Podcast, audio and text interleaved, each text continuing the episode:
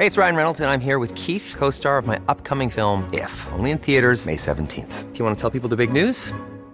All right, I'll do it. Sign up now and you'll get unlimited for $15 a month in six months of Paramount Plus Essential Plan on us. Mintmobile.com slash switch. Upfront payment of $45 equivalent to $15 per month. Unlimited over 40 gigabytes per month. Face lower speeds. Videos at 480p. Active Mint customers by 531.24 get six months of Paramount Plus Essential Plan. Auto renews after six months. Offer ends May 31st, 2024. Separate Paramount Plus registration required. Terms and conditions apply if rated PG. I'm Sandra, and I'm just the professional your small business was looking for. But you didn't hire me because you didn't use LinkedIn jobs. LinkedIn has professionals you can't find anywhere else, including those who aren't actively looking for a new job but might be open to the perfect role, like me. In a given month, over 70% of LinkedIn users don't visit other leading job sites. So if you're not looking on LinkedIn, you'll miss out on great candidates like Sandra. Start hiring professionals like a professional. Post your free job on linkedin.com/achieve slash achieve today. This is Paige, the co-host of Giggly Squad, and I want to tell you about a company that I've been loving, Olive and June. Olive and June gives you everything that you need for a salon quality manicure in one box. And if you break it down, it really comes out to $2 a manicure, which is absolutely insane. It's also so easy to get salon worthy nails at home with Olive and June. The difference between how your nails used to look when you did them yourself and now with the Manny system is a complete game changer. The best thing about Olive and June too is it's a quick dry, dries in about one minute, lasts for five days, and full coverage in up to one to two coats. Visit oliveandjune.com slash perfect Manny 20 for 20% off your first system. That's oliveandjune.com slash perfect Manny 20 for 20% off your first system.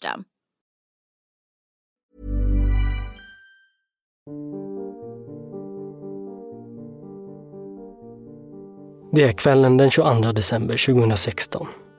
Och de två äldre personerna Kjell och Vanja har precis blivit brutalt attackerade av en för dem okänd ung man. Deras dödskamp fångades upp i samtalet till 112. Och vi hör polisen Peter Turfjell som kort tid efteråt fick detta samtal vidarebefordrat till sig. Och då ser jag att eh, det har varit bråk i, i, i Råbo och, och man hör skrikar och slag och sen blir det tyst i telefon. Det här är ju ett väldigt komplicerat ärende för att vi, vi, har ju, vi, vi vet ju inte vad, det, vi- vad vi kommer att mötas utav. Det är ju både liksom en, en rädsla för en gärningsman då och vi måste ta hand om eh, de som eventuellt är skadade. Peter reagerar starkt och inser allvaret i samtalets innehåll och samlar snabbt ihop en patrull som direkt beger sig ut till platsen. Utanför huset möts de av blodspår, bland annat i bilen som står på uppfarten. Och Peter och de övriga poliserna agerar med försiktighet. De vet inte om en gärningsman fortfarande är på plats och behöver säkerställa att de själva inte är i farozonen. Snart kan de bedöma läget som relativt säkert och beslutar sig för att gå in i huset. Ja, det är ju fruktansvärt blodigt där. Det är ju, vi ser ju liksom eh, först då på Kjell liksom att han är ju i princip helt utblödd och känner, på, känner ingen puls på halsen överhuvudtaget och vi ser ju att han har, han har knivskador på halsen. Eh, sen så eh, när vi tycker att det är säkert att gå, gå närmare in i rummet i, i huset här då hittar vi ju även då, eh, kvinnan då, Vanja då, eh, vid, vid, eh, vi uppfattar det som att det är in mot, ett sov, mot sovrummet där då och hon, hon eh, ligger ju där och ja, hon är ju också eh, knivskuren i halsen, ser vi ju. Där. Peter har begärt all hjälp de kan få och snart anländer ytterligare en patrull samt hundförare. Peter upplever det hela initialt sett som rörigt, då den avlidna kvinnan var gift med en annan man på en annan adress och då våldet hon och Kjell var utsatta för tydde på en enorm aggressivitet och ett känslomässigt utspel misstänker man att någon i deras närhet är gärningsmannen. En patrull åker således till Vanjas man som dock direkt kan avfärdas alla misstankar. Under tiden utför poliserna vidare undersökning och upptäcker även blodspår i Kjells bostad, i huset bredvid. Och eh, hela tiden så är det liksom just det här att vi, vi vet inte vart, vart gärningsmannen är. Vi, vi, liksom, vi måste hela tiden försöka skydda vår rygg också. Där. Så att det, det är inte bara det här att, att eh, vad heter det nu, att rädda liv som gäller, utan det är ju även att skydda vår egen rygg så att vi inte får någon i ryggen i den här situationen.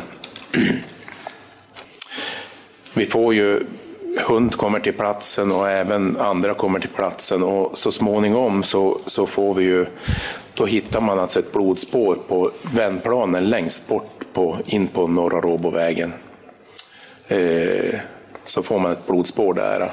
Och eh, därifrån då börjar hund att spåra. Då. Och, och jag har inte uppfattning exakt, men alltså jag förstår ju att det går ju runt även då upp, upp mot södra Råbovägen och sen så drar det upp i skogen där. Och I det här läget så är det ju, då känner vi ju i att här måste vi se till så att ingen fler blir mördad under den här natten. Därför beslutar jag tillsammans med, med, med, staben att vi ska utrymma samtliga fastigheter och, och, och, säkra de människor som finns där så att det inte är några fler som kommer till skada den här natten. Eh. Det talas ju om att man har sett vissa, man har hittat läger, man har hittat värmeekon och sånt. Ja, Mm. Var uppfattningen då att det eventuellt kunde röra sig om en gärningsman på de där platserna? Ja, ja, ja. Det, det, det var det ju absolut. Vi, vi, vi jagar ju gärningsmannen då. Ja, jag förstår det. Ja, och, och eh, då var det ju även så att då, då, då sa ju, i och med att jag har ju en, en del erfarenhet från det här med, med manhunting då som Alltså att jaga en motiverad gärningsman ut i skogen. Och det är ingenting som vi ska hålla på med för att det är det bland det farligaste man kan hålla på med. Och vad, ja, men ni måste ju ändå försöka gripa någon. Ja, absolut. Hur ni tänkte det skulle ha gått till då? Ja, det är ju, tanken var ju då att vi skulle, alltså att det var därför som vi skulle ha nationella insatsstyrkan för att det är ju vad de är experter på. Klockan 04 eh, så kommer nationella insatsstyrkan upp. In mot natten så kliver polisen Peter av sitt pass. Men Annika Jansson är yttre befäl och basar över utredningen. Och tidigare har man tillkallat den nationella insatsstyrkan som nu anlänt till platsen med helikopter från Stockholm. Eh, de roddar eh, på sig sina grejer och eh, i samband med det så meddelar helikoptern att de har fått ett jättestarkt värmeeko vid en rotvälta in till Norrtjärn. Osäker på väderstrecket där. Hundförarna får då direktivet att de ska frysa läget och invänta NI. Däremot så hinner inte Henny rodda på sig grejerna och ut i skogen innan helikoptern måste lämna. Eh, de bedömer att det är så pass starkt värmeeko intressant så att de lämnar koordinater och eh, efter att de har lämnat för tankning i Rörberg så eh, grupperar Enni tillsammans med hundförarna och går fram. Där kan inte de hitta någonting. Innan Peter kliver av inser han att utgångsläget är relativt bra. Att man säkrat spår av en gärningsman som leder inåt skogen. Men han följer sedan utredningens utfall och har slutligen en del invändningar rörande den nationella insatsstyrkans roll i det hela. Hade ni någon uppfattning var en gärningsman kunde befinna sig då?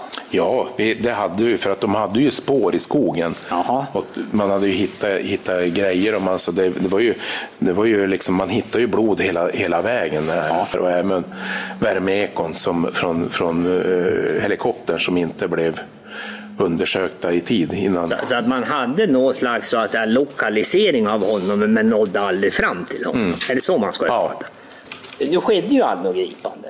Nej. Har du någon förklaring till varför? Ja, det har jag, men eh, jag kan säga som så att jag blev inte speciellt imponerad av eh, våra kollegor från Stockholm då. Nej, det har du vet jag att du har sagt. Ja, ja. Kan du förklara varför? var helt enkelt dålig på att orientera sig. Alltså de hittade inte i skogen? Nej.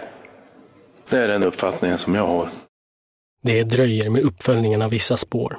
Bland annat de värmeekospår i skogen som registrerats av helikoptern.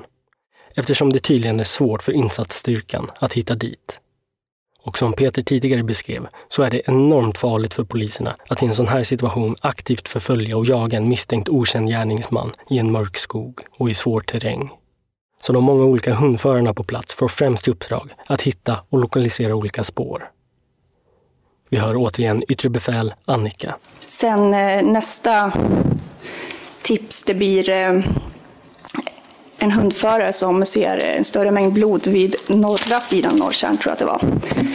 Eh, där beskriver den hundföraren som att det skulle vara mycket blod, likt att någon har hängt runt en björk. Man ska ha hackat i isen och eh, det ska vara spår ut på kärnan. Där slutar de spåren. Mm, man fortsätter söka i skogen. Eh, jag blir avlöst av Timo Rukanen som är pågående polisinsatschef. Överlämningen tar några timmar, så under tiden jag sitter här så inkommer tips. Det kommer in ett tips om att det står en person och lyftar i höjd med Bälsta. Nej, men jag åkte väl till jobbet som vanligt och så står det en person vid busshållplatsen precis Cecilia och vinkar. Inte långt utanför skogarna kring Råbosjön kommer Maja körandes i sin bil på väg till sitt jobb och hon noterar hur en ung kille står vid vägkanten och lyftar. Detta är Simon. Det har nu gått ytterligare ett par timmar och vi rör oss in på morgonen den 23 december, runt åtta tiden. Och då hade jag väl eh, funderat, innanför bussen var faktiskt i tid den dagen, den brukar inte vara det. Så jag hade väl på känn att det kanske skulle vara någon som behövde lift. Mm. Eh, så jag stannar, eh, öppnar dörren och frågar om han har missat bussen. Och då säger han ja. Och så jag bara, ja, men vart ska du åka? Och då frågade han vart jag skulle någonstans, om jag skulle till Sundsvall eller Hudiksvall. Och då sa jag att jag skulle till Hudiksvall och då frågade han om han fick följa med. Ja absolut, ja, för jag ska bara in och jobba ändå så det kan du väl göra. Mm. Eh, och då sa han även att eh, ja, för det går ju en buss om en timme igen. Vid tio. Ja, så ja, det gör det ju, men det gör det inte. Så då förstod jag att han inte var därifrån. Mm. Eh, och sen åker vi in till stan. Han satt ju och frös i bilen. Mm. Eh, och satt väldigt eh, liksom, rakt och så här, och, Men annars var det bara... För jag frågade vart han skulle också såklart. Mm. Vart skulle han då? Eh, han skulle på akuten. Mm. Sa han varför eller? Nej, och jag frågade inte heller. Nej, nej. nej. Och ja, du åker då Ja, du skjutsar honom på akuten? Ja, ja. och då kliver han ur, tackar så jättemycket för skjutsen och önskar god jul och sen går han in. Ja. Maja noterar hur han har en svetthinna runt ansiktet. Att han sitter med handen under den väska han bär på. Men att hon inte tyckte det var konstigt eftersom han frös så mycket och hon tänkte att han bara värmde händerna. Däremot reagerade hon på en speciell lukt han gav ifrån sig. Målsägande beträdet Per Wiesel ställer frågorna. Eh, slutligen, du har pratat om någon lukt också. Mm. Berätta vad du Jag kommer ju inte ihåg den idag så, men det var ju en, en, en speciell doft liksom utav honom som kom. Uh, och det förstår man ju, alltså som sagt efteråt förstår man ju kanske varför då, men, men just då förstod jag ju inte varför det. Men vad, vad tror men det var ju lite fränt och lite, ja. Blod eller? Ja, det är det jag inte... Jag, kan inte, jag tyckte ju inte att det liksom luktade blod i bilen. Mm. Utan, men det var en, en frän doft, en, en konstig som jag inte har känt någon gång förut eller senare sen och så. Mm. Ja, tack. Tack. Någon fråga från försvaret? Nej, jag hoppade. Simon kliver nu in på Hudiksvalls sjukhus akutmottagning. Bland annat på grund av de skador han har på sin högerhand. Han blir omhändertagen, men samtidigt som detta sker har yttre befälet Annika sett till att spåret gällande liftaren följs upp och man har begett sig ut till den platsen där förbipasserande reagerat på att en liftare har stått. Patruller skickas dit, eh, det finns ingen där och om jag har förstått det rätt så kom hundförare också dit och hittade blod på platsen. Under tiden jag kör tillbaka mot Gävle för att avsluta passet så hör jag över radion att personal från sjukhuset här i Hudik hör av sig till polisen med att det har kommit in en person med skador som skulle kunna stämma överens med den gärningsmannen vi eh, sökte efter. Annika ser till att denna information vidarebefordras och polismannen Roger blir den som får i uppdrag att följa upp det här spåret och beger sig ut till sjukhuset för att träffa Simon. Som berättade för oss att den här personen har kommit in. Han har en skärskada i, om det är höger näve tror jag. De har även tittat i hans väska, där hittar de en blodig hammare och blodiga kläder. Eh, så jag går in till den här personen Eh, och han stämmer då väldigt bra överens med signalementet vi har fått tidigare från den som har lyftat uppe vid VIA. Så jag ställer en fråga till honom vad han har drabbats av och han säger till mig att han har varit på Håsta. Han har blivit rånad eh, under kvällen innan, då, den 22, där på nattkröken. Sen har han legat avsvimmad då, eller medvetslös där uppe på en en parkering säger han uppe på Håsta. Sen har han gått ner på sjukhuset. Eh, så jag ställer lite motfrågor där och vilken parkering han har varit på. Han säger att han aldrig varit på Håsta förut så han vet inte riktigt vilken parkering han har varit på. Ehm, sen eh, förstår jag då och våra kollegor där uppe att det här då är kanske den person man letar efter under natten. Eh, så jag ringer min FE-ledare och får vissa beslut. Då. så, ja, så var det. Simon har svårt att utveckla händelseförloppet som innefattar att han under natten blivit rånad av en för honom okänd man. Och polisen misstänker att han talar osanning. Simon blir således misstänkt för mordet på Kjell och Vanja och tas in på förhör. Men han nekar till anklagelserna. Han säger att han under gårdagskvällen var i området Håsta där han gick och kollade på himlen och stjärnorna då han plötsligt möttes av en man med flint och som ville ha hans pengar. Då Simon säger nej blir mannen aggressiv och tar fram en kniv. Tumult uppstår och det är då Simon får sin skada på handen. Och Simon fortsätter konsekvent med att neka till anklagelsen under polisförhör och står fast vid att han har blivit rånad. Men halvåret senare, när tingsrättsförhandlingarna drar igång, menar Simon att han har väldigt svaga minnen rörande hela denna dag, torsdagen den 22 december.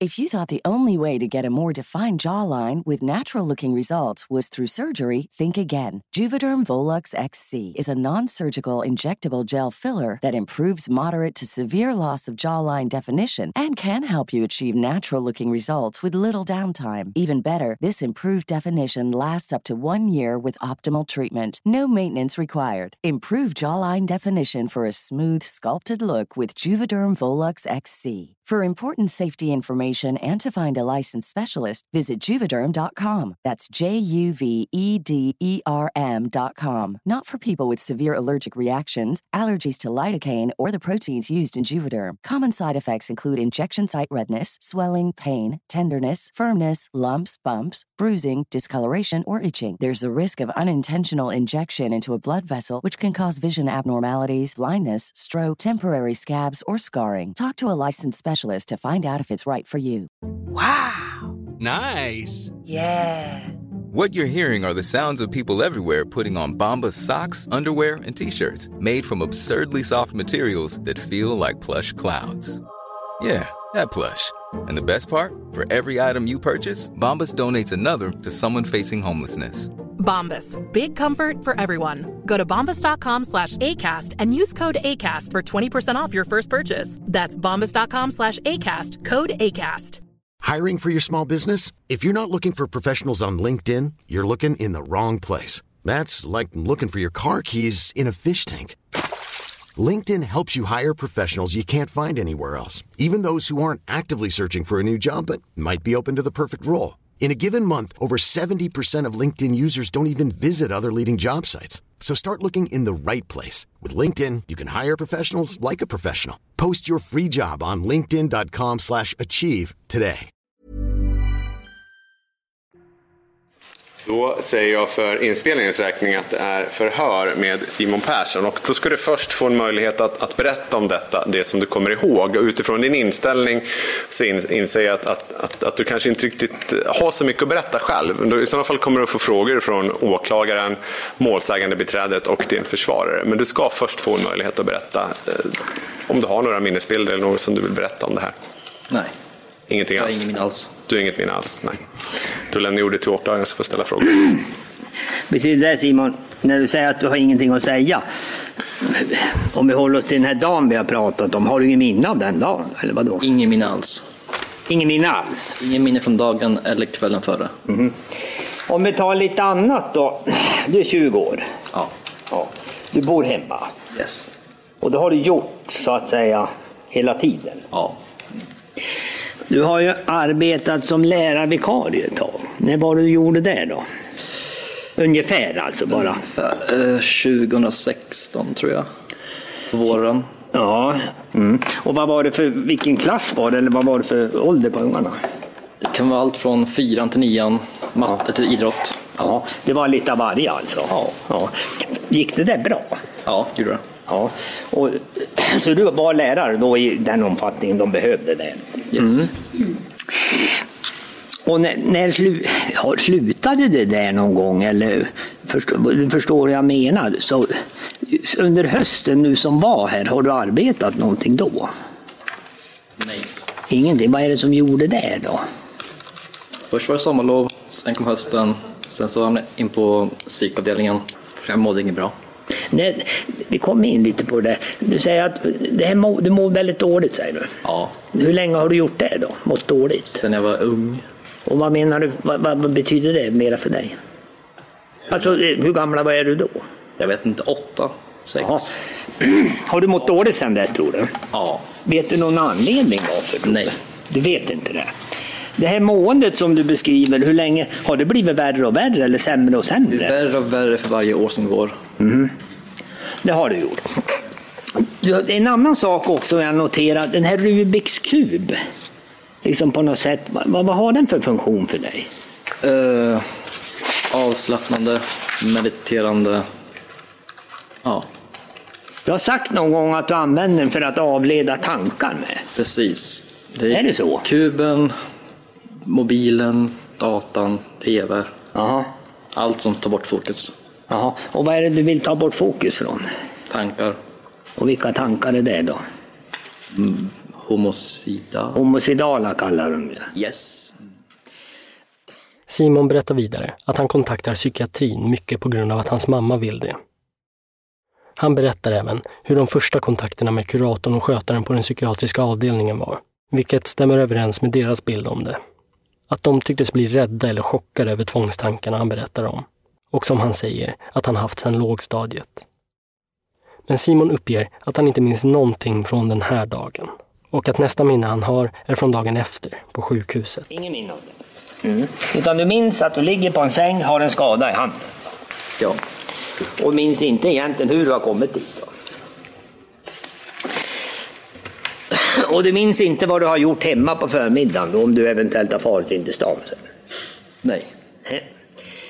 Åklagaren är nyfiken på vad Simon känner till om platsen Råbo och närmare bestämt Norra Råbovägen 2, där Kjell och Vanja mördades.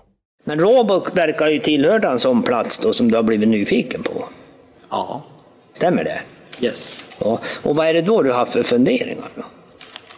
Jag precis sa. Ja, hur, hur det ser ut och så vidare. Alltså närmare be- bilda bekantare med platsen. Då. Sådana tankar har du funnits?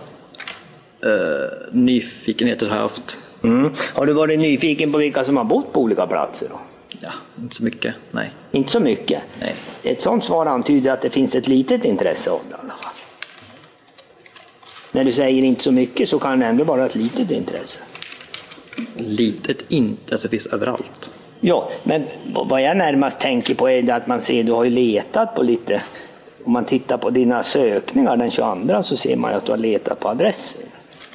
Ja, det läst. Även person. Utöver att mängder av DNA från Simon finns på och runt omkring brottsplatsen så kan man via Simons sökhistorik se att han tiden innan har sökt på adresserna Norra Råbovägen 2 och 4. Ja, det har jag läst om. Ja, och då, måste, då, då, då antyder väl det att du även varit haft sånt intresse att veta var folk bor? Då. Ja, tydligen. Mm. Har du något minne att du haft det? Nej. Nej. Så egentligen kan du inte förklara de här sökningarna på personer som du har gjort då? Jag kan, jag kan inte förklara någonting om den dagen. Eller kvällen före eller dagen efter. Så att du menar att allt, det är liksom ett svart hål den här dagen för dig? Ja. Mm. Du har ju gått igenom en... Vad vi kan konstatera är ju det att ditt DNA finns ju på den här adressen. Det har jag läst om. Det har du ju sett? Ja. Ja.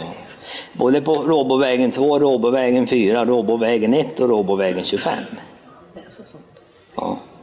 Menar du då att... Och då måste det tydligen vara en... Ditt blod finns ju på de här ställena. Ja, det vet jag. Mm. Har du någon förklaring till det? Nej. Mm. Du vet ju också att två personer är mördade på Råbovägen 2. Ja. Skulle du ha gjort det utan att komma ihåg det? Då? Mycket möjligt. Mycket möjligt. Man tycker ju så här, man vänder på sig, då säger jag så här, gör man en sån sak borde man väl komma ihåg det. Nej, Christer. Varför inte det? Det är mycket du inte vet om om psyket här. Märker Vad sa du? Det är mycket du inte vet om här om psyket, märker jag. Då jag vill komma fram till Simon är ju det att, är det inte så för dig att du, du, du svarar, de här frågorna undviker du för det lättaste sättet att gå runt? Undviker jag inte. Ge mitt svar. Ja, och då är det ju att säga att jag minns inte, då, då slipper du ju ge dig in i någonting. Ja, men jag inte minns det så minns jag inte. Nej, så du menar att fortfarande, den här natten då, natten mot den 23. Har du något minne av vad, hur, vad du tillbringade och gjorde under den då? Natten innan? Nej, den här natten mot, innan du vaknade på sjukhus. Nej. Mhm. Du, som du såg på dina kläder så fanns det ju lera och barr och grejer, både strumpor, skor och byxor. Ja, på bilderna. Va? Ja, jag såg det på bilderna. Ja, Ja. jo, jo. Det, det ser ju alla som tittar. Men, men då frågar man sig, det verkar ju så att du har varit verkligen ute någonstans. Och, vad har du fått den från tror du? Då? Säg igen. Vad, vad tror du att det har kommit ifrån? Jag vet inte. Ingen aning? Ja. Nej, du svarar nästan innan jag hinner ställa frågan. Men du menar att det har du ingen minne av heller? Då? Nej, som jag sa från början, jag har ingen minne. Den dagen, kvällen före eller dagen efter. Du har läst de här handlingarna säger Jag har läst där. Har du läst alltihopa? Ja. Ja. Jag har mycket tid på mig.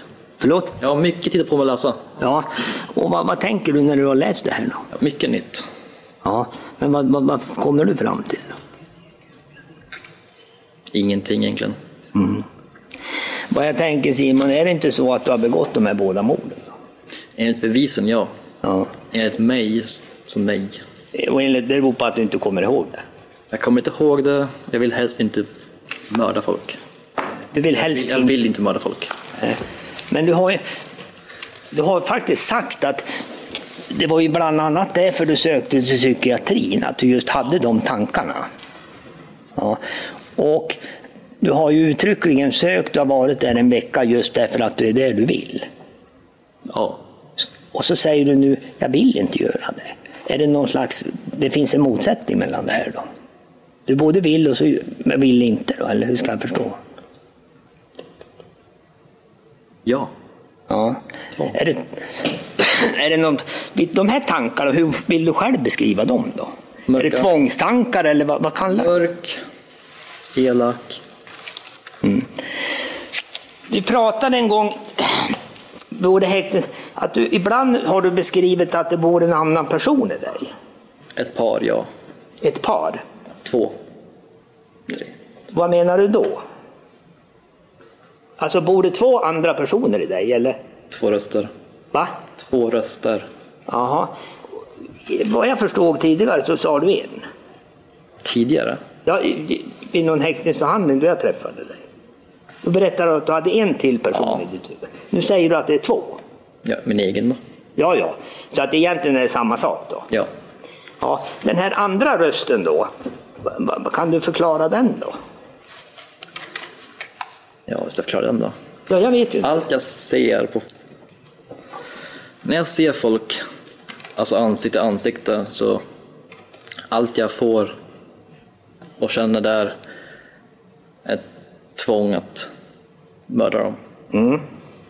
Det, spelar det kan vara familjen, det kan vara kompisar, det kan vara er, det kan vara vem som helst. Mm. När, du pratar, när du beskriver nu, är det du själv eller är det din andra röst? Jag. Va? Det är inte jag. Det är inte du? Är det en annan? Uppfattar du som att du består av två personer då? Eller att du har bara en röst som säger åt dig vissa saker? Ja. Är det så du ska uppfatta det? Ja, för att förstå det där då, betyder, är det det, när du säger det, ska man uppfatta det som att det är någon som talar till dig eller att det är bara någon som driver fram tankar i dig? Både och. Jaha, kan du något förklara så man förstår? Förklara hur. Ja, det du nyss svarade på. Både och sa du. Det är både någon som röster Jag förklarar hur rösten är. Förlåt? Hur det hörs, hur den är. Vad menar du? Ja, hör du en röst? Jag hör en röst. Jaha, så du, när du, om du sitter alldeles stilla så hör du en röst som talar till dig då? Ja. Mhm. Den blir högre ju mer folk jag ser. Jaha, så, och då är det liksom uppfattar du ungefär som en person som talar till dig då? Är det så man ska förstå det? Ja, ungefär. Men att den finns i ditt huvud då? Precis. Och den påverkas av att det är mycket folk kring det? Intryck, intryck ja. Och vad säger den rösten till dig? Är det den som driver fram sådana här idéer du har pratat om? Idéer, bilder. Mm. Och den har du haft under ganska väldigt lång tid om jag förstår det. Många, många år. Skulle du uppfatta det att du egentligen består av två personer? Eller så man ska förstå dig? Lätt sagt ja. Va? Ja, ungefär. Är det väldigt förenklat eller är det ett korrekt svar? Ett förenklat svar ja. ja. Om, du, om du skulle utveckla det, vad blir det då? då? Jag vet inte. Ja, du har ju möjlighet så man förstår det. Men du behöver ju inte. Ja. Kan det tänkas då att när vi tittar på allt det här vi har pratat om, att det är din andra röst som har hittat på det här?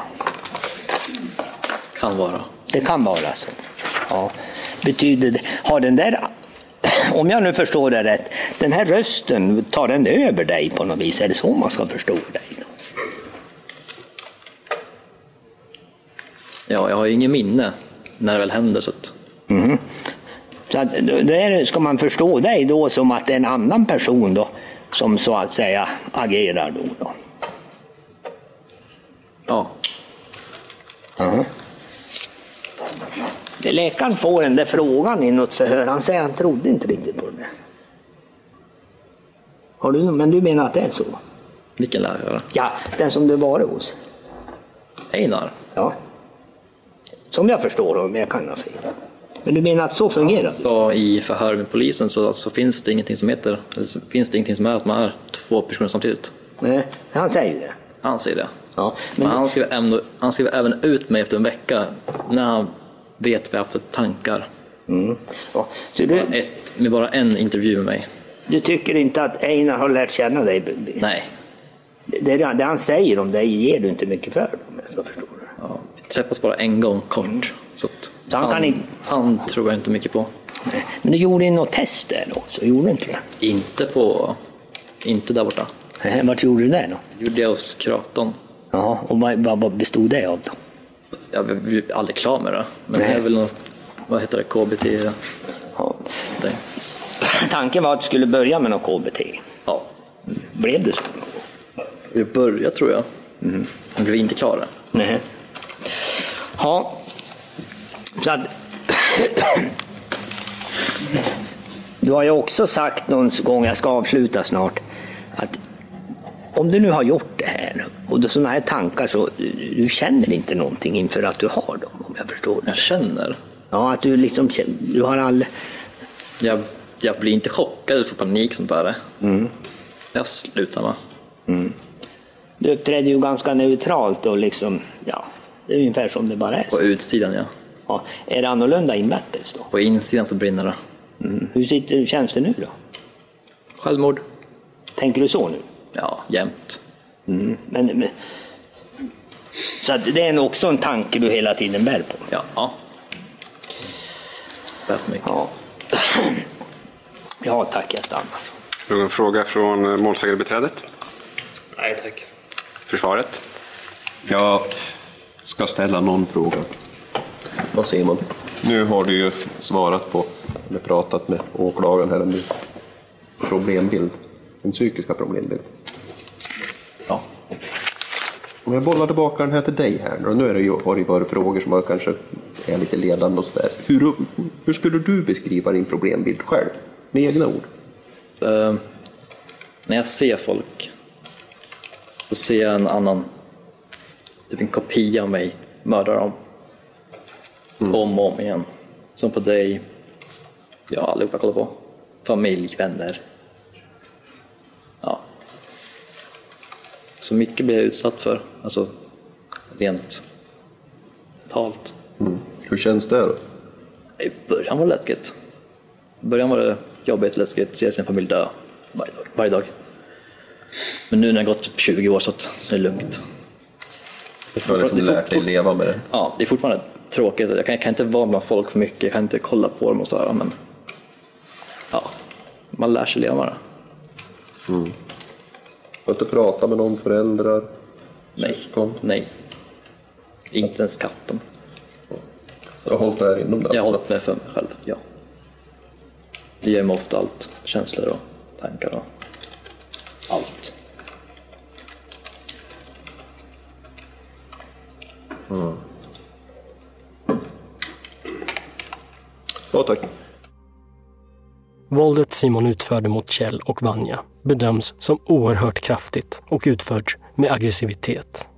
Vi hör rättsläkaren Håkan Sandler.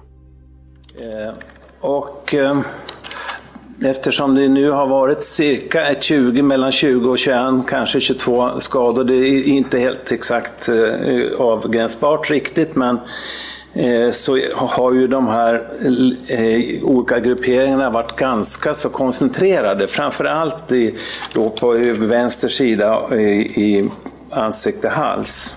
Och inom det området så har vi ju sett en ansamling av ett Ja, nu har jag inte bilderna exakt bilderna här, men det är åtminstone tiotal eh, ansamling av ett tiotal skador. Och eh, det är ju ett område som ju då är känsligt för skarpkantat våld. Och det har inneburit att det har ju blivit lokala stora blödningar. Och de har tagit vägen då ner till, eh, i de här som fanns i luftstrupen, att det har kommit in då blod eh, in i luftvägarna. Aspiration heter det och har ju runnit in där och det har ju också inneburit att den här skadan som finns, en skarpkantad skada, en partiell avskärning kan man säga av den här vänstra huvudartärstammen. Den har också, eftersom den står under tryck, eh, blött ut i omgivningen och eh, sannolikt även bidragit till även blodtillförseln till luftvägarna. Om vi tar nästa då, kvinnan. Hur ser bilden ut där? Den är relativt likartad. Ja. Och eh, där har vi också eh, en, en kraftig dominans i, i huvudet på vänstra sida och även halsen. Då. Där har vi ju de, hon har ju också kring ett 20-tal eh, skador. Och eh, där har vi väl inom från ansikte eh, huvudets sida och så ner till och med halsen så eh, ligger ju eh, tre fjärdedelar av skadorna egentligen i det området.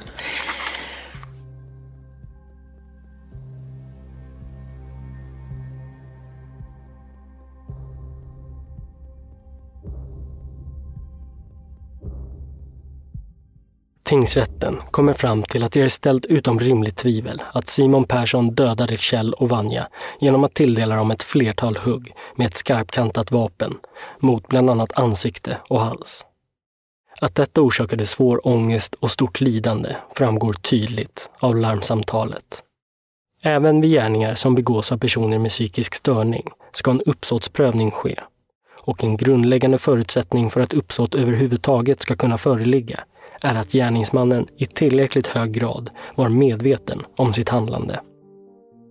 Det görs en rättsmedicinsk undersökning av Simon och av utlåtandet framgår att Simon led av en allvarlig psykisk störning vid tidpunkten för gärningarna.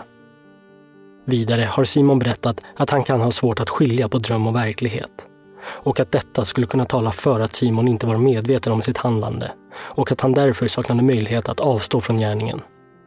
Någon annan omständighet som talar för att Simon agerade reflexmässigt eller annars saknade möjlighet att avstå från gärningarna har emellertid inte kommit fram.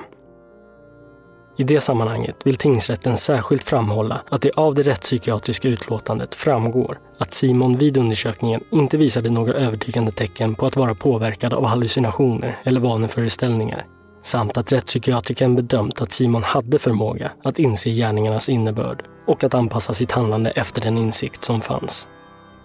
Och med hänsyn till vad som har kommit fram om Simons tvångstankar bedömer tingsrätten att Simon ska dömas för att uppsåtligen ha dödat Kjell och Vanja. Straffvärdet för gärningarna är synnerligen högt. Om Simon hade varit 21 år eller äldre och psykiskt frisk skulle påföljden för honom ha bestämts till livstidsfängelse. Simon var emellertid endast 20 år vid gärningstillfället och hans ålder ska därför beaktas, särskilt vid straffmätningen och innebär dessutom att det inte är möjligt att bestämma en svårare påföljd än fängelse i 14 år. Vidare framkommer att Simon till följd av sitt psykiska tillstånd och sina personliga förhållanden i övrigt är i behov av rättspsykiatrisk vård som är förenad med frihetsberövande och annat tvång. Samt att det till följd av den psykiska störningen finns en risk för återfall i brottslighet av allvarligt slag. Simon ska därför överlämnas till rättspsykiatrisk vård med särskild utskrivningsprövning.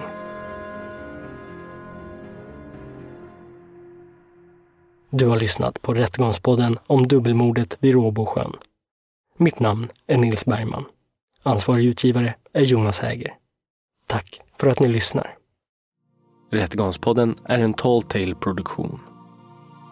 Ansvarig utgivare är Jonas Häger. Och Rättegångspodden görs i samarbete med Lexbase.